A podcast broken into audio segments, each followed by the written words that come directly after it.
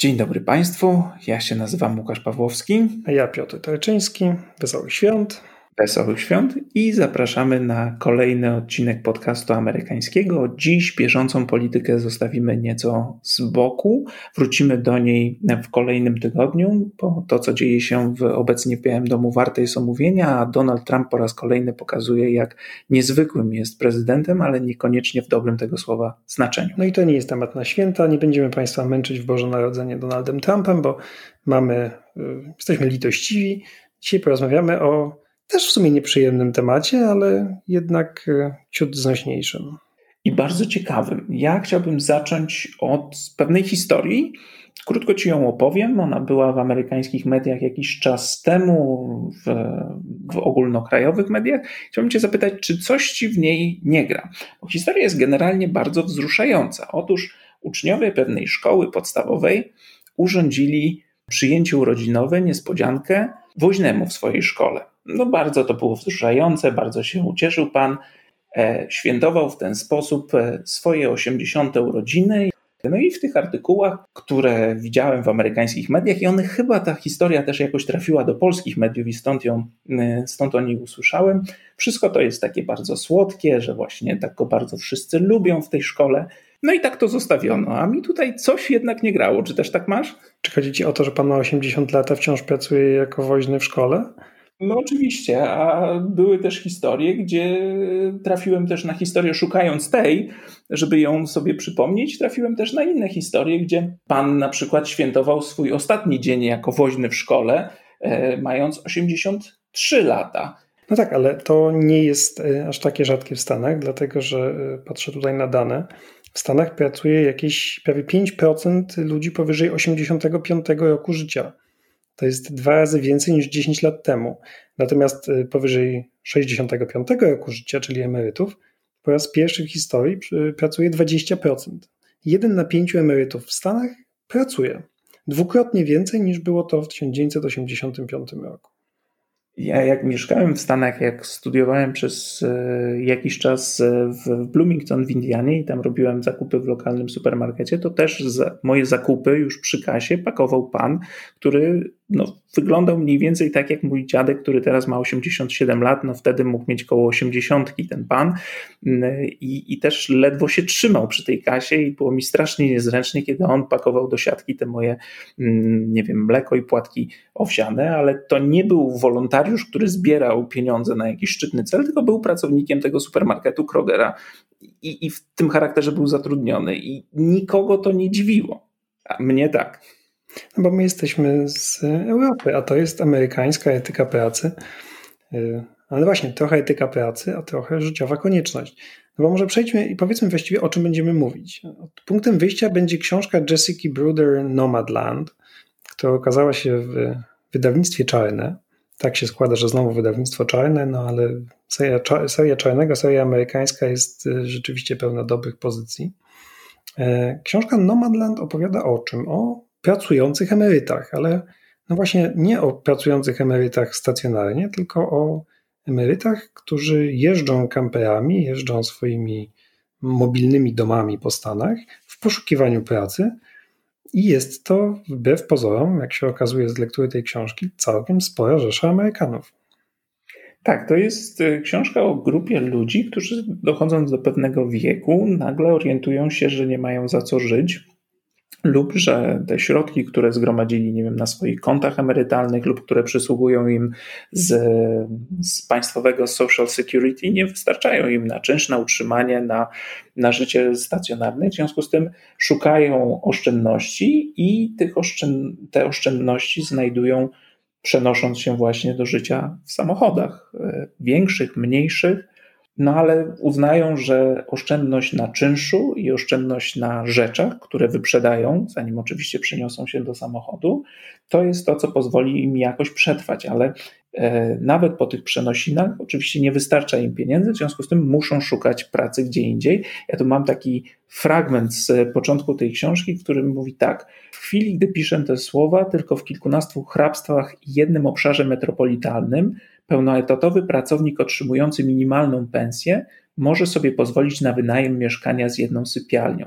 Trzeba zarabiać co najmniej 16 dolarów i 35 centów na godzinę, czyli ponad dwukrotność najniższej stawki krajowej, żeby móc wydawać na mieszkanie mniej niż 30% wypłaty. Czyli ci ludzie, których, e, którym trudno już znaleźć pracę ze względu także na swój wiek, najzwyczajniej w świecie nie są w stanie zarobić tyle, żeby utrzymać i mieszkanie, i jakoś, jakoś żyć, więc przenoszą się do aut.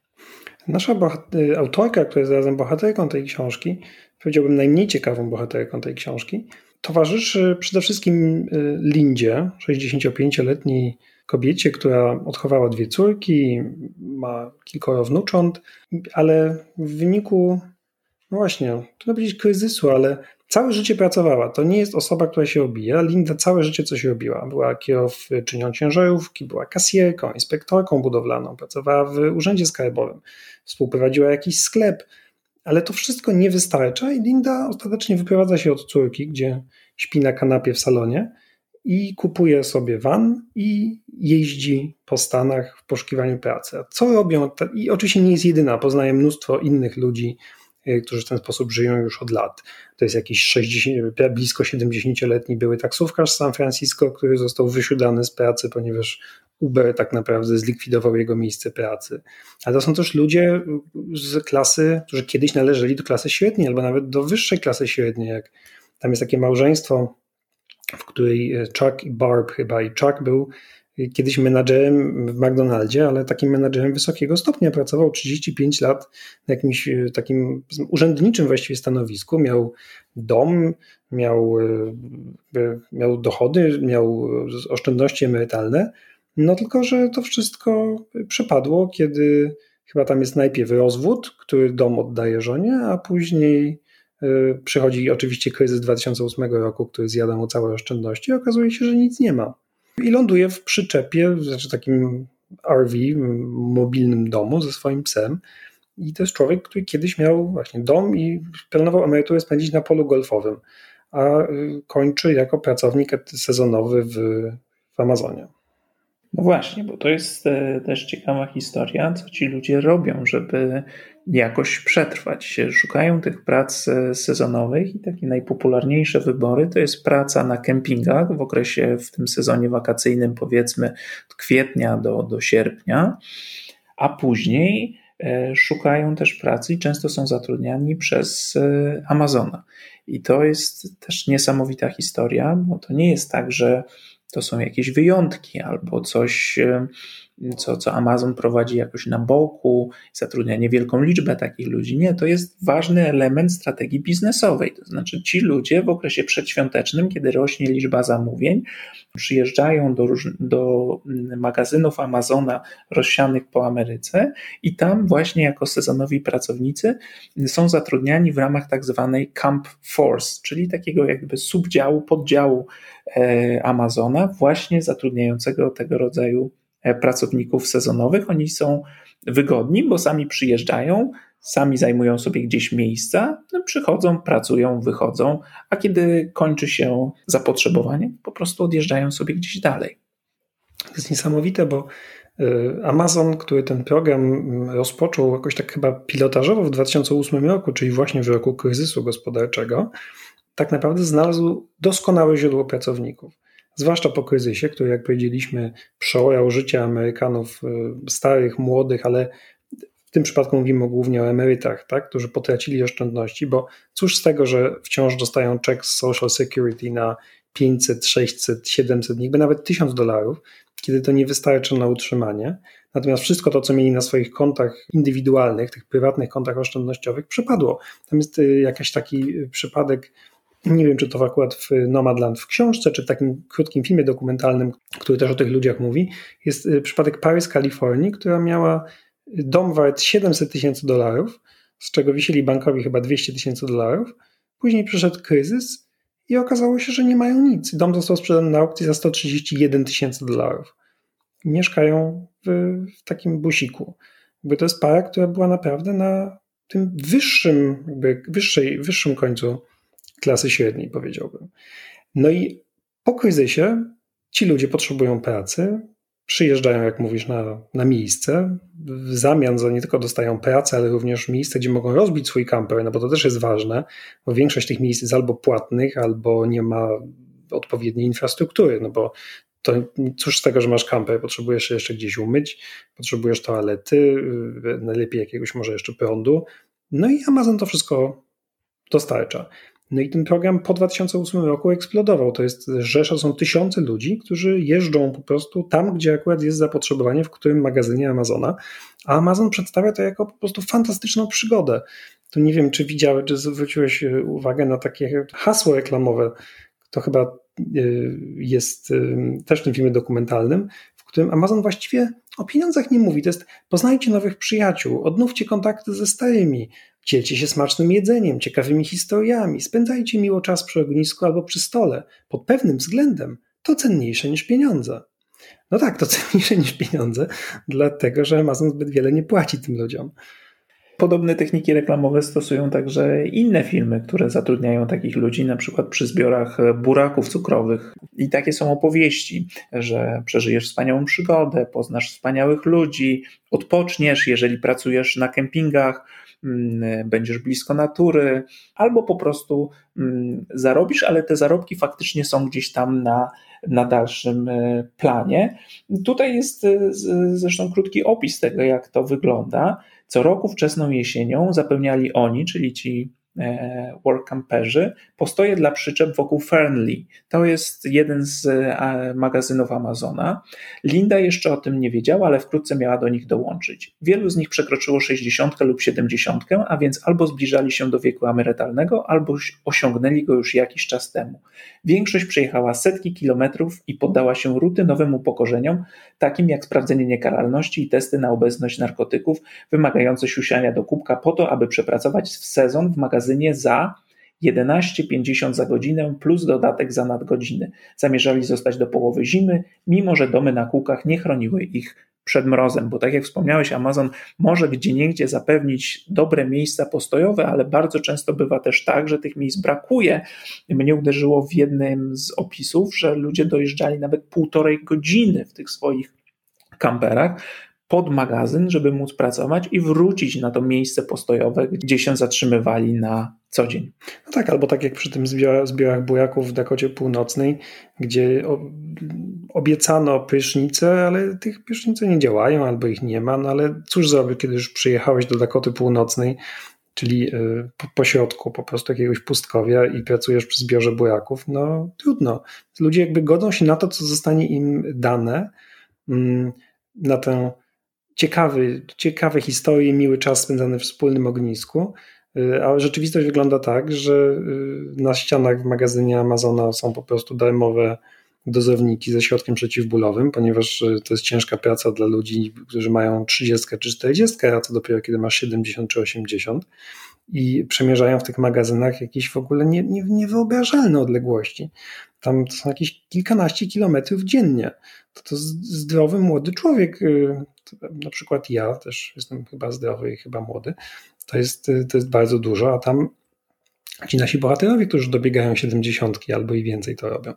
No nic dziwnego, że oni mają kontuzję. Tutaj na każdym kroku, każda z tych osób, o której mówi y, Jessica Bruder, ma jakąś kontuzję.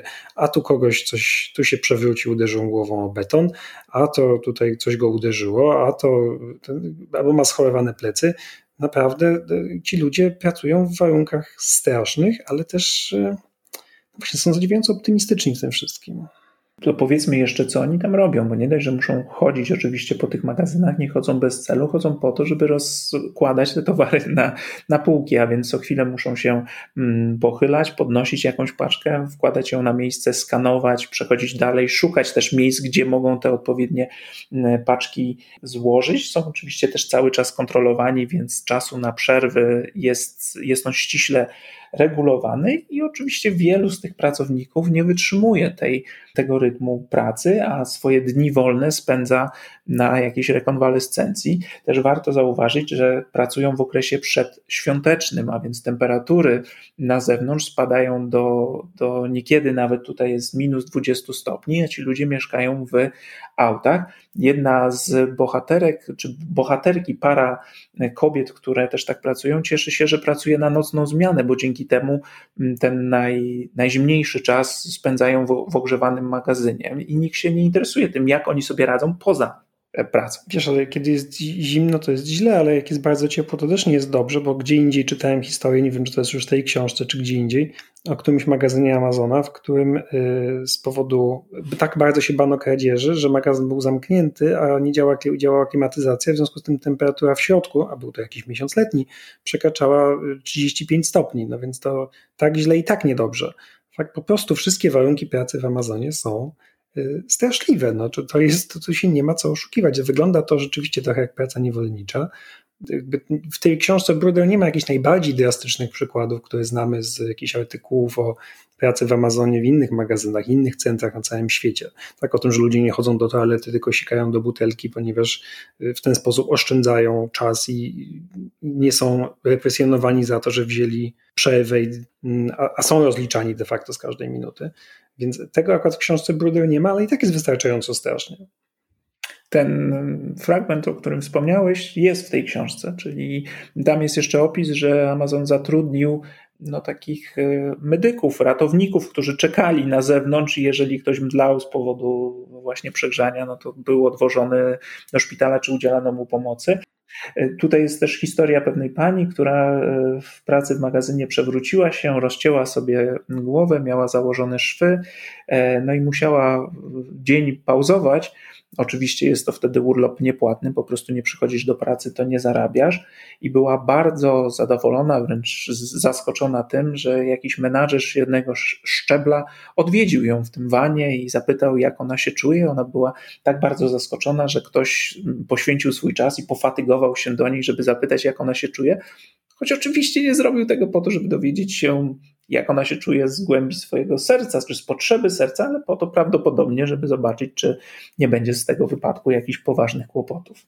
Są też historie prac w, właśnie w ośrodkach, w kempingach, bo Amazon wyróżnia się jedną poważną zaletą, czyli dobrze płaci dobrze w słowniku tych ludzi, to jest to 11 dolarów za godzinę na tle innych ofert, to są dobre warunki e, na tle innych ofert, które są tutaj opisywane, gdzie płaci się 7-8 dolarów za godzinę, a czasami są to oferty za miejsce postojowe, czyli za miejsce z dostępem do elektryczności, kanalizacji e, i, i nieodpłatne miejsce postojowe. No, można się zatrudnić na, nie, nie wiem, na przykład w parku rozrywki czy, czy, czy przy innych pracach e, sezonowych i w ten sposób przetrwać.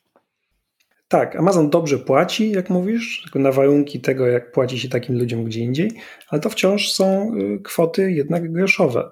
To znaczy, to się teraz zmieniło, bo teraz to już jest 15 dolarów za godzinę, dlatego że Jeff Bezos podniósł y, minimalną stawkę u siebie w firmie do 15 dolarów za godzinę, co jest de facto wypełnieniem postulatu, programow y, postulatu programowego Berniego Sandersa i Joe'ego Bidena którzy wzywają, aby 15 dolarów za godzinę było powszechnie w całym kraju stawką minimalną. Tymczasem Bezos zrobił to sam w 2018 roku. Ale Bezos nie podniósł oczywiście tej stawki do 15 dolarów za godzinę y, z dobroci serca, tylko dlatego, że był to kiepski PR-owo rok dla Amazona, który musiał, po raz pierwszy chyba tak naprawdę Amerykanie jakoś zauważyli problem niskich prac y, w Amazonie i wykorzystywania pracowników to wzięło się trochę z, z krytyki z dwóch stron, co się rzadko zdarza w amerykańskiej scenie politycznej, bo e, Amazon został skrytykowany czy zaatakowany wręcz zarówno przez Donalda Trumpa, jak i przez Berniego Sandersa. Otóż obaj byli zgodni, że firma Amazon bardzo dużo bierze od amerykańskiego państwa, a bardzo niewiele do tego daje.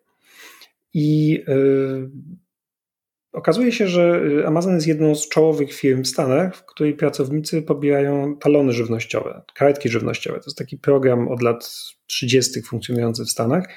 Y, dodatku żywnościowego. Tak? Dostaje się talony żywnościowe dla osób nisko zarabiających, które mogą sobie za to iść do wybranych sklepów i kupić co chcą do jedzenia.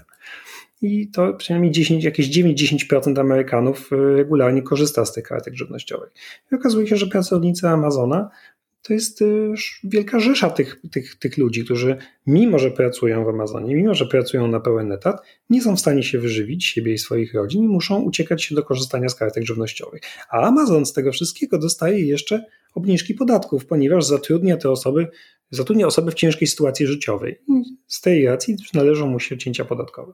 To nie jest tylko Amazon. My przed tym odcinkiem rzuciliśmy na Facebooka taki tweet Roberta Reichas, czyli byłego sekretarza pracy w administracji Billa Clintona, który mm, mówił w ogóle o amerykańskich, dużych amerykańskich korporacjach, które uzyskują pomoc z rządu ze względu na zatrudnianie osób właśnie w trudnej sytuacji, czy osób z grup, które są, mają jakoś ciężej na rynku pracy, no i dostają z tego tytułu pomoc ze strony rządu. Czyli nie dość, że zatrudniają ludzi za niewielkie pieniądze i na warunkach, które no my byśmy uznali, czy, czy wielu ludzi uznałoby za trudne, bo można ich na przykład zwolnić z dnia na dzień, bo nie mają urlopu chorobowego, nie mają prawa do żadnego zasiłku, nie mają związków zawodowych oczywiście, no to nie dość, że zatrudnia ich na takich warunkach, to jeszcze dostaje tę pomoc rządową. Bo to jest pytanie, które sobie zadawała autorka naszej książki. Jak to jest, że Amazon zatrudnia tych 60, 70, a nawet tam się pojawiają i 80-latkowie, zatrudnia ich do ciężkiej fizycznej pracy polegającej na wykładaniu towarów na półkę. No przecież logicznie powinno być tak, że zatrudnia jednak młodsze osoby, które będą sprawniejsze i zrobią to szybciej będą bardziej wydajne. Ale powodem, i tu cytuję fragment książki, Powodem, dla którego Amazon przyjmuje tak powolnych i mało produktywnych pracowników, jest dofinansowanie miejsc pracy dla osób z grup szczególnie narażonych na bezrobocie, pisze autorka bloga Tales from the Rampage, należąca w przeszłości do grona work camperów. Ponieważ na prawie trzy miesiące wyłączają nas z systemu zasiłków, mogą to sobie odliczyć od podatku. A inne właśnie zalety to ta mobilność pracowników, oni się pojawiają tam, gdzie są potrzebni, nie trzeba ich kwaterować, nie trzeba ich przenosić i nigdzie nie zostają, to także fragment książki, nigdzie nie zostają wystarczająco długo, żeby stworzyć związek zawodowy. Amazon nie pozwala tworzyć związków zawodowych. Jak jakiś call center Amazona 10 lat temu chciało stworzyć związek zawodowy, to się po prostu call center zamknęło. Podobno bez związku z tym, że chcieli stworzyć związek zawodowy, ale jakoś w to nie wierzę. No ale efekt jest taki, że Amazon po prostu nie płaci podatku dochodowego. Znaczy ma takie lata, w których nie płaci podatku dochodowego. W 2017 i 2018, mimo że miał miliardy oczywiście dolarów dochodu, dostaje de facto zwroty podatków idące w setki milionów czy dziesiątki milionów dolarów, ponieważ właśnie ze względu na te różne programy opłaca mu się zatrudnianie takich, a nie innych ludzi i efekt jest taki, że Amazon więcej dostaje z budżetu państwowego niż do niego wpłaca. Jak Donald Trump skądinąd, który też wykorzystał podobne y, odpisy od podatków w swoim czasie. Efekt jest taki, że Bezos ma teraz, y, ja nie wiem, bo to się zmienia jak w kalejdoskopie, ale ostatnio jak sprawdzałem, Bezos miał 200 miliardów dolarów, ale y, może ma tylko 160 miliardów dolarów, tak człowiek jest najbogatszym człowiekiem na świecie. W zależności od tego, jakie dane przyjmiemy, ale to dość obrazowe jest, że w 2017 co 9 sekund zarabiał medianę pensji w swojej firmie. Tu warto w powiedzieć, że to, co przyciąga, i to warto jeszcze raz podkreślić, to jest fakt, że ta pensja uznawana jest za dobrą. 11 dolarów to jest mniej więcej przy dzisiejszym kursie około 40 zł, bo mam tutaj fragment książki mm, o naszej bohaterce, o Lindzie, kiedy pracowała w jednym z parków przyrodniczych w stanie Kalifornia i tam stawka wynosiła 8,5 dolara za godzinę zaproponowano jej 30 godzin w tygodniu. Jest tu wyliczenie, że nawet gdyby pracowała przez rok e, za taką stawkę, to zarobiłaby 17 tysięcy dolarów, 17 tysięcy 680 e, dolarów, co przy dzisiejszym kursie wynosi około 64 tysięcy złotych. No, na warunki amerykańskie nie jest to specjalnie dużo i miałaby problem e, z tym, żeby się utrzymać w, w jednym miejscu. I to jest ciekawe, bo z jednej strony, tak jak mówiliśmy, przedstawia się to jako taką ucieczkę i wybór świadomy, wolny, ucieczkę od konsumpcjonizmu. I z jednej strony robią to te firmy, które jeszcze dodatkowo wciskają tym ludziom taki kit, mówią im, że zatrudniają ludzi starszych po 60 czy po 70, bo to są ludzie z pokolenia, kiedy twardo i ciężko trzeba było pracować, w związku z tym ich etyka pracy to jest coś, co sprawia, że warto ich zatrudnić, bo można na nich polegać, oni nie opuszczą dnia pracy, wykonają swoją e, pracę solidnie, choć w rzeczywistości powodem, dla którego się ich zatrudnia, są właśnie te wszystkie ulgi e, podatkowe, ale tę, tę, tę formę sprzedawania im tej pracy, reklamy, oni jak gdyby przyswajają sami i sami próbują się przekonać, że fakt, iż muszą żyć tak jak żyją, to jest pewien dowód na to, że oni się uwolnili z tego społeczeństwa i są bardziej wolni niż byli wcześniej. Nie? Tu jest cały czas takie napięcie, bo oni z jednej strony czują, że są bezdomni, e, chociaż tego słowa nie używają, wolą mówić bezmiejscowi, ale z drugiej strony próbują się przekonać, że tak, to jest lepszy sposób na życie niż ten, który mieli poprzednio. No tak, ale jak przychodzi co do czego, to okazuje się, że ich największym marzeniem jest jednak kupno ziemi y, i zbudowanie sobie czegoś własnego i żeby osiąść na stałe w jednym miejscu. Nie wszystkich, ale takie jest marzenie Lindy, głównej bohaterki tej książki i nie jest ona w tym jedyna. Natomiast to, co mówisz o tej etyce pracy, o której, o której, o którą Amazon jakby kusi tych emerytów, to jest jednak prawda, to znaczy oni rzeczywiście nie widzą niczego złego w większości przypadków bohaterowie tej książki, nie widzą niczego złego w tym, że mają 70 lat i muszą pracować, czy nawet więcej. Oni uważają, że to jest, y, no jest to pewna niedogodność, ale nie widzą jakby zasadniczego problemu w tym całym systemie. Oni są, y, łapią tę te, tę gadkę o tym, że to jest wszystko wspaniałe etyka pracy pokolenia boomersów, być może trochę na zasadzie jakiejś kąty wobec milenialsów, tak? No, że ci milenialsi to są rozpieszczeni, nie wiedzą, wszystko by chcieli mieć od razu i tak dalej, a my jesteśmy tym pokoleniem, które ciężko pracowało i jesteśmy lepsi od milenialsów i dlatego będziemy pracować do, po 70. Ale to jest jednak y, potwornie smutne, kiedy się to czyta. To znaczy, że ten American Dream, oni, oni naprawdę w to wierzą. To znaczy, im się naprawdę wydaje, że tak trzeba i że to jest jedyna metoda, w jakiej można funkcjonować. To prawda, tutaj się splatają, tu się splata oczywiście kilka patologii tego modelu, który dominuje w Stanach Zjednoczonych. Ty wspominałeś o tym, że ludzie tracili swoje oszczędności w wyniku krachu na rynku nieruchomości. Ich nieruchomości, które były takim zabezpieczeniem na przyszłość, nagle okazały się warte kilkakrotnie mniej. E, to były też ich konta emerytalne, które są prywatne, zarządzane przez fundusze emerytalne. Jeżeli fundusz źle zarządzał, zainwestował w coś, czego wartość spadła, no to oczywiście nagle się okazywało, że nie mają pieniędzy, ale kolejną rzeczą, która przyczyniała się nagle do tego ich spadku, czasami nawet z dość wysokiego szczebelka na drabinie społecznej bardzo nisko, to jest oczywiście choroba. To znaczy ci ludzie zapadali na różnego rodzaju choroby i nagle okazywało się, że rachunki za lekarza są tak duże, że nie są w stanie e, się utrzymać. No i kolejny przykład, który się w wielu historiach, czy kolejny element tych historii, który się często powtarza, to są rozwody, czyli podział majątku, jakiś kosztowny prawnik, nagle się okazuje, że z tego majątku zostało bardzo niewiele. I kolejna rzecz to jest trudność w znalezieniu pracy po jakimś, po przekroczeniu jakiegoś wieku, lub też wygryzienie tego miejsca pracy, o czym wspominałeś w przypadku taksówkarzy, to się to kilkukrotnie tam pojawia. Bo y, to jest dziwne, bo bohaterowie tej książki z jednej strony mm, wiedzą to wszystko, doświadczyli tych y, kryzysów 2008 roku, potracili oszczędności, nie stać ich na opiekę zdrowotną, nie stać ich na opiekę dentystyczną, to się tam pojawia, że zęby są znaką statusu, no to jakby wszędzie, ale w Stanach to jest jeszcze, jeszcze silniejsze. Mm, po czym jeżdżą po opiekę zdrowotną do Meksyku, bo to się też, kiedy pracują w tych południowych Stanach, no to przekraczają granicę i chodzą do dentysty i do lekarza tam gdzie płacą oczywiście dużo, dużo mniej za wszystko, za okulistę, dentystę, lekarza takiego czy owego, y, ale właściwie nie ma tam refleksji politycznej, to znaczy jak, y, nie wiem na ile to jest kwestia y, autorki, na ile autorka po prostu nie wyciąga tego ze swoich bohaterów, ale tam właściwie nie ma tematów politycznych, to znaczy ona z nimi nie rozmawia, nie dopytuje ich, co oni na ten temat sądzą, jak, czy nie widzą tej pewnej sprzeczności między tym American Dream, a tym, że ten system y, wolnej Amerykanki kapitalistycznej jednak nie funkcjonuje. Ona w ogóle, mam wrażenie, nie, nie zadaje sobie tego pytania.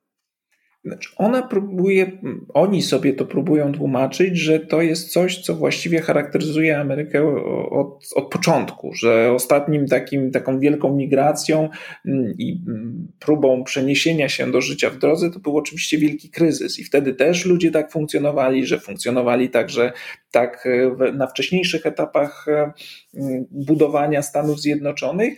I to są te momenty, kiedy ci ludzie próbują sobie wytłumaczyć, że że oni są takim ważnym elementem tego systemu, że przyjeżdżają, wykonują ważną pracę, się tam porównują do takich wędrownych mm, usługodawców, którzy nawet w średniowieczu chodzili od osady do osady, wykonywali właśnie jakieś dobre prace, pomagali, drobne prace, pomagali mieszkańcom, no i w ten sposób próbują sobie wytłumaczyć, że są potrzebni, ale przychodzą też takie refleksje i takie momenty, kiedy widać, jak bardzo się starają mm, jeszcze jakieś takie resztki godności zachować e, w obliczu różnego rodzaju trudności.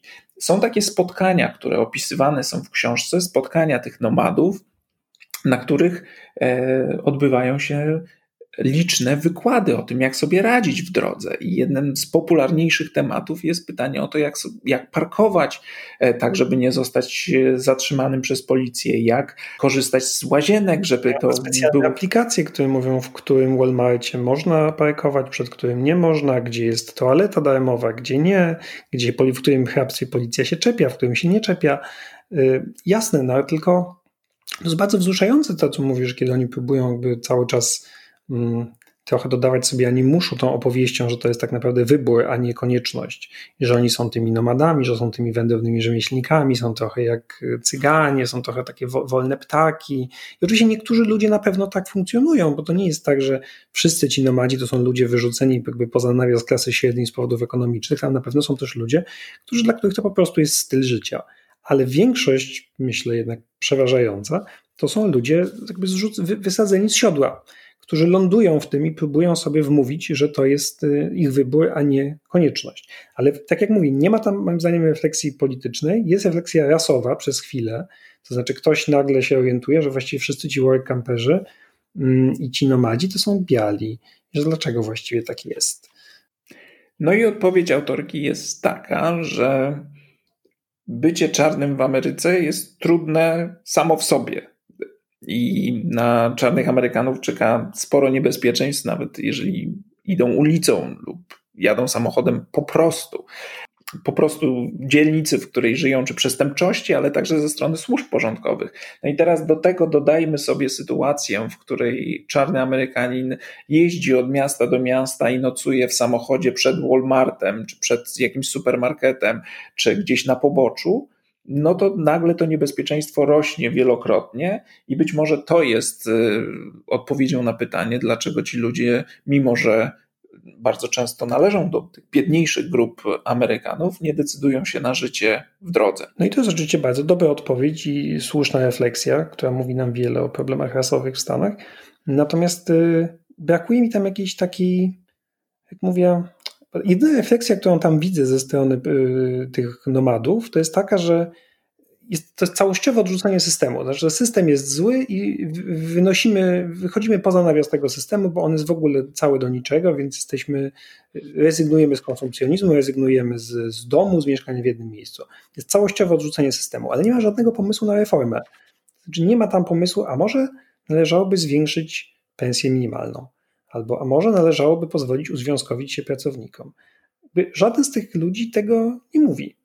I w ogóle nie mają żadnych poglądów politycznych. Ale jak mówię, wydaje mi się, że to oczywiście jest kwestia narracji, którą mm, tutaj przedstawia nam autorka książki. Bo w ogóle myślę, że to jest ten moment, kiedy trzeba powiedzieć, że to jest bardzo ciekawy temat. Ja się mnóstwo dowiedziałem z tej książki z, i, i czytając w ogóle do tego odcinka.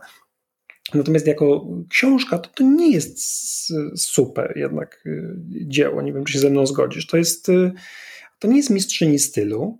To jest książka, gdzie jest mnóstwo powtórzeń, gdzie ona jeden temat wałkuje w, w nieskończoność. Y, potrafi rozwodzić się na temat jakiś kompletnie nieistotny, epatuje szczegółami, które są też znowu nieistotne i nieważne, bo to nie ma znaczenia, czy coś było różowe, czy to była lewa noga, czy prawa noga Tak, tutaj znajdziemy takie bardzo rozbudowane opisy przyrody. Na przykład, kiedy autorka odwiedza działkę, którą nasza bohaterka Linda wreszcie kupiła sobie gdzieś na odludziu w Arizonie. Nie może tam pojechać, bo pracuje gdzieś w odległym miejscu, więc reporterka tam jedzie, żeby pokazać jej tę działkę, bo ona kupiła ją nie, nie odwiedzając tego miejsca. Mamy bardzo dokładny opis tego, jaka jest ziemia na tej działce, jakie tam roślinki rosną, jaki rów biegnie przez tą działkę, czy jest szeroki. Czy... To był tak, to był potworny potwornie nudny już moment. Już myślałem, że, że usnę nad tym. I to jest, mimo że ta książka sama w sobie cała nie jest specjalnie objętościowo jakoś porażająca. To jest 280 stron, a właśnie wiele miejsca jest poświęcona na, tym, na, na tego rodzaju szczegółowe opisy. No, tak jak wspomniałeś, w którą nogę ugryzł ją pies i jaki plaster później założyła. Zupełnie nieistotne szczegóły, natomiast rzeczy ciekawe, na przykład to, jak ci nomadzi sobie wyobrażają ten moment, kiedy nie będą już w stanie się poruszać, są opisane bardzo skrótowo. No jeden mówi, że wyjedzie na pustynię i po prostu strzeli sobie w głowę, innym, innym mówi, że no w sytuacji sytuacji jakiejś wyjątkowej, tam dwóch siostrzeńców obiecało, że go jednak do siebie przyjmie, ale ten temat, jak ci ludzie myślą o tej w sumie niedalekiej dla nich e, przyszłości, jest zbyty bardzo powierzchownie. I jest jeszcze wspomniane takie ponure historie ludzi, którzy po prostu no, gdzieś albo się zapili, albo zmarli za kółkiem i przez wiele tygodni nie, nie, nikt nie wiedział o tym, że, że nie żyją ale ten, ta refleksja na tym, co dalej, jest potraktowana bardzo powierzchownie. Tak jak powiedziałeś, ta refleksja polityczna także. Ten fragment, na przykład, który mówiłem, który tutaj cytowałem o Amazonie, dlaczego Amazon zatrudnia takich ludzi, to jest cytat z bloga jednego z pracowników. I z jednej strony autorka wkłada dużo wysiłku, bo sama się zatrudnia przy tych pracach, sama pracuje w tym magazynie. Bywał kamerą też, dodajmy, i tak dalej, a równocześnie o tym Amazonie można byłoby znacznie więcej tam napisać. Zresztą nie tylko Amazonie, bo ta praca w, w firmie przetwarzającej buraki cukrowe u producenta cukru, gdzie ona też kilka dni spędza. To też jest ciekawy e, wątek, ale z tego wszystkiego nie, nie, nie jest wyciągany jakiś szerszy wniosek. Okej, okay, amerykański mit upadł lub podupada, ale dlaczego tak się dzieje i co można z tym zrobić e, i co sądzą o tym na przykład pracownicy Amazona, e, ci wyższego szczebla albo kierownictwo Amazona, tutaj nawet nie ma próby rozmowy. Albo może jacyś socjologowie, to jakby tu tego nie ma. To rzeczywiście jakby, jakby porównać tę książkę do książki Eksmitowani Matthew Desmonda, którą, którą bardzo Państwu polecamy, to jest książka z 2016 roku, Pulitzer za non-fiction z 2017 roku, wydana, wydana w Polsce. Y, to jest fantastyczna opowieść o, bardzo smutna oczywiście, ale o problemie bezdomności w Stanach, czyli łączący się z, z tematem dzisiejszego odcinka, o bezdomności y, na przykładzie jednego miasta, na przykładzie Milwaukee. I to jest podobna metoda, to znaczy y, główny bohater, który jest socjologiem, autor książki, zamieszkuje w trudnych dzielnicach Milwaukee, mieszka właśnie w takim kamperze na polu kamperów, gdzie mieszkają ludzie właśnie nie bezdomni, ale bezmiejscowi, jak mówisz. Y, ale to jest książka, której jest nie tylko y, znakomity opis i opis uczestniczący, znacznie lepszy niż Jessica Bruder, ale też jest cała masa mm, ciekawych obserwacji socjologicznych, no bo to jest profesorem socjologii. Ale to nie jest tylko książka o bezdomności, to jest w ogóle książka o problemie mieszkaniowym w Stanach Zjednoczonych, bo to jest także o różnych programach pomocowych, na przykład programach dopłat do czynszów. E, tam się pojawia bardzo mocno wątek rasowy. Dlaczego jest tak, że te dzielnice w Stanach Zjednoczonych nadal są e, bardzo silnie podzielone? Są dzielnice czarne i białe. Dlaczego dochodzi do takich paradoksalnych sytuacji, że czynsz w marnym domu, w, w czarnej dzielnicy uznawanej za niebezpieczną potrafi sięgać sięgać, czy być porównywalny lub niewiele, naprawdę niewiele niższy niż czynsz w bardzo komfortowym mieszkaniu już gdzieś w, w białej dzielnicy. Te osoby są skazane na po prostu krążenie w tej samej dzielnicy z jednego mieszkania do drugiego. Każda kolejna eksmisja po prostu utrudnia możliwość zdobycia kolejnego mieszkania. Bardzo łatwo jest być eksmitowanym, zwłaszcza kiedy jesteś samotną matką z dziećmi. To jest też w ogóle problem o nierównościach płci, które tam są y, nie tylko rasowe, ale też płci, tak? Kobiety mają na wychowaniu dzieci landlordzi nie chcą wynajmować kobietom z dziećmi, więc im jest jeszcze trudniej.